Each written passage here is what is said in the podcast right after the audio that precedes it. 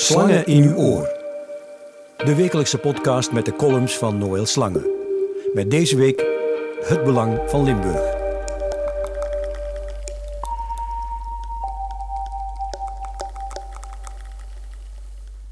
Het doorkijkkerkje van Brugloon werd door de lezers van de Britse krant The Guardian uitgeroepen tot een van de mooiste plekjes van Europa. Ik weet niet of u het kerkje al met eigen ogen gezien hebt, maar als dat niet zo is, dan moet u het zeker eens bezoeken.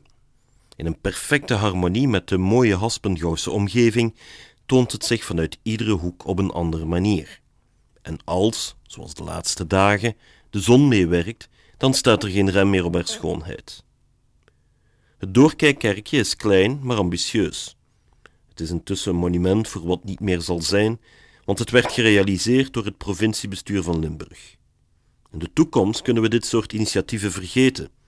Dat hebben we te danken aan de gulzigheid van de Vlaamse overheid, die langzaam maar zeker de provinciebesturen aan het uitkleden is. Benieuwd of we nu meer Vlaamse projecten in Limburg zullen zien. Ik reken er niet op. Waar zullen we in de toekomst nog ambitieuze gebouwen zien verrijzen? De Nederlandse schrijver Herman Koch van het diner onder andere voert in een van zijn boeken een fictieve burgemeester op die mijmert over een Amsterdams bouwwerk, de Stopera. En hij zegt: Het oorspronkelijke ontwerp voor de opera was een gebouw in wit beton. Te groot oordeelden de omwonenden. Te wit.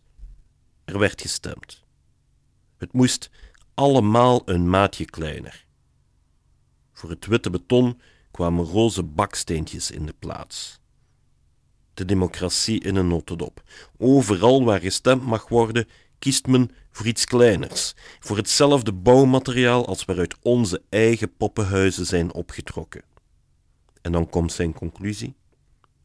Het met de opera samengevoegde stadhuis staat op geen enkele ansichtkaart. Geen enkele toerist zal een selfie maken met de Stopera als achtergrond.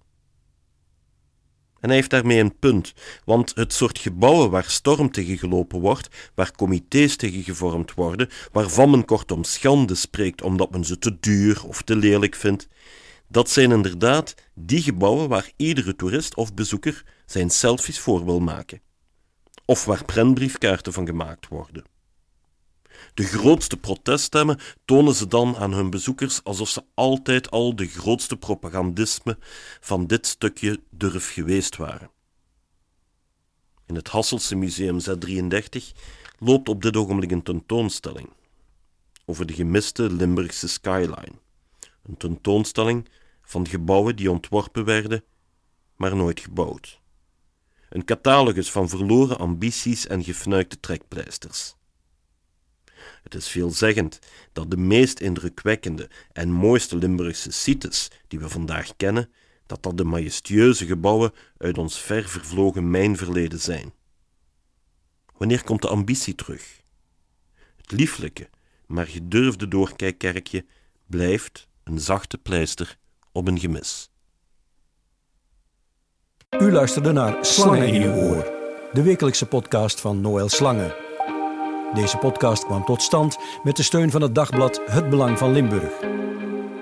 Reageren kan via Twitter, Noël Slangen of via de Facebookpagina van Noël Slangen.